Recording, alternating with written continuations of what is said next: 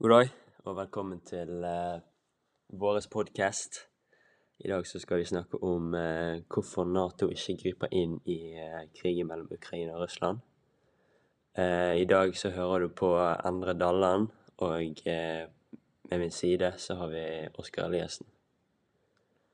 Yes, og for dere lyttere der hjemme som ikke vet hva som foregår verken i Ukraina eller hva Nato er, så kan vi si det at i Ukraina så foregår det en konflikt mellom eh, Russland og eh, Ukraina i korte trekk. da, Russland som har eh, invadert eh, Ukraina militært. Eh, så går vi videre til hva Nato er. Eh, Nato det er nordatlantisk traktatsorganisasjon. Det er altså en av verdens viktigste organisasjoner, eller internasjonal institusjon.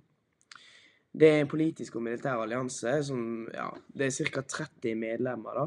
Medlemsland fra både Europa og Nord-Amerika. Um, disse landene da, de møtes for å konsultere og samarbeide på sikkerhets- og forsvarsområdet, forsvarsområdet primært. da. Eh, Nato da ble stiftet, eh, eller dannet i Washington DC 4.4.1949. Eh, etter andre verdenskrig, da, kan vi merke oss. Eh, av tolv vestlige land. Bakgrunnen var frykt for Sovjetunionens økende maktposisjon i Europa, og spesielt etter kommunistenes maktsovertakelse i Tsjekkoslovakia 1948. Ja, eh, også før vi skal liksom se på hvorfor ikke Nato kan gripe inn i akkurat denne konflikten eller krigen med Ukraina og Russland, så må vi eh, se på hva Ukraina vil. Så Ukrainas president, eh, Volodymyr Zelenskyj, han ba samme dag som eh, Nato om å opprette en flyforbudssone over landet, men han vant ikke gehør.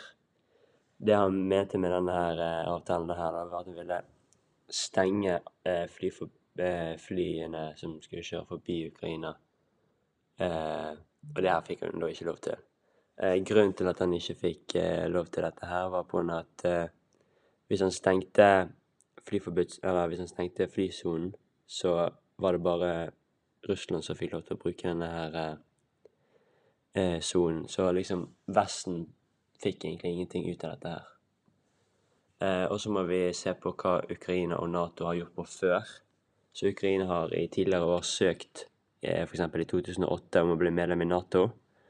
Eh, Nato skulle tenke på dette her og gi en tilbakemelding på om når de kanskje kunne få lov til å innvilge det her.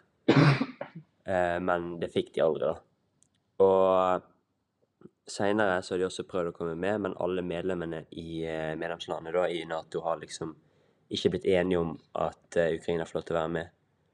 Så Ukraina har aldri liksom fått lov til å komme med. Så enkelte land kan hjelpe Ukraina, men det vil ikke si at Nato hjelper Ukraina eh, derfor.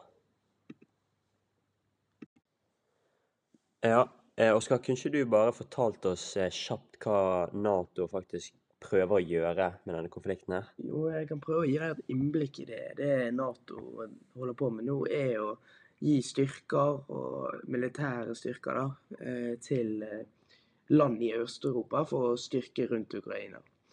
Eh, de kan, eh, de kan, nemlig ikke gå inn og gripe inn i denne konflikten, fordi at dette er krig mellom to land som ikke er medlem av Nato.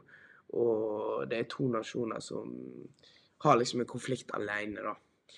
Eh, Stoltenberg han sier at han frykter imidlertid at vi hittil bare har sett begynnelsen på Russlands krigføring i Ukraina.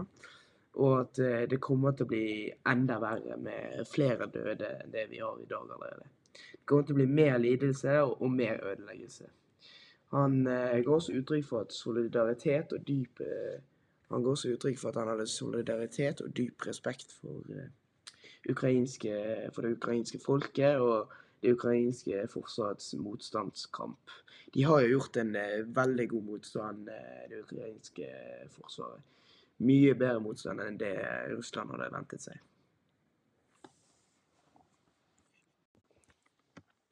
Ja, og da, Endre, da lurer jeg på hva de eventuelle konsekvensene kan bli av at eh, Nato griper inn i den konflikten.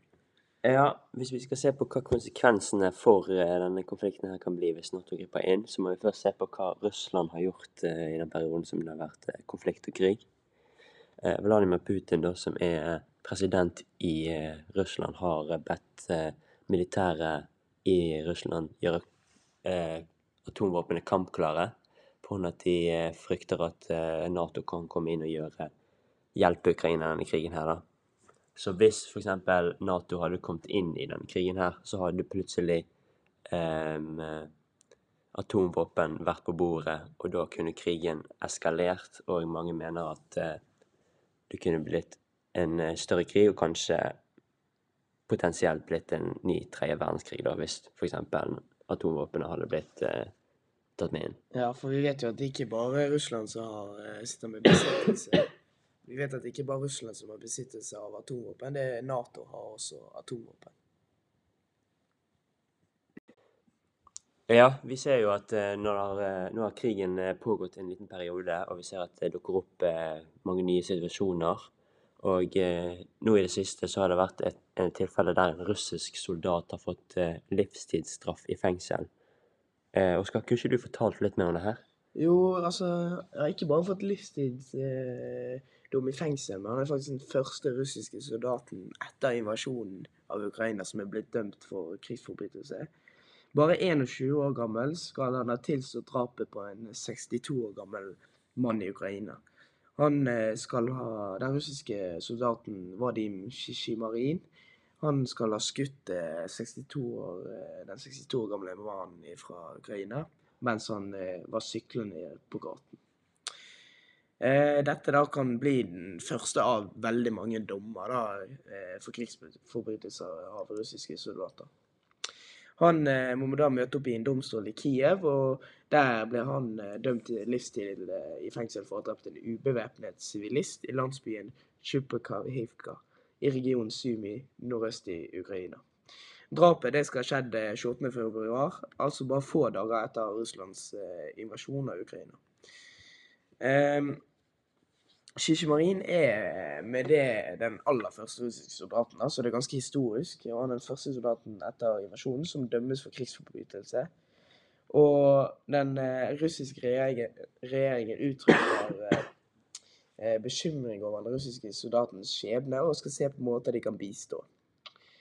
Dette er da BBC som har kommet ut med.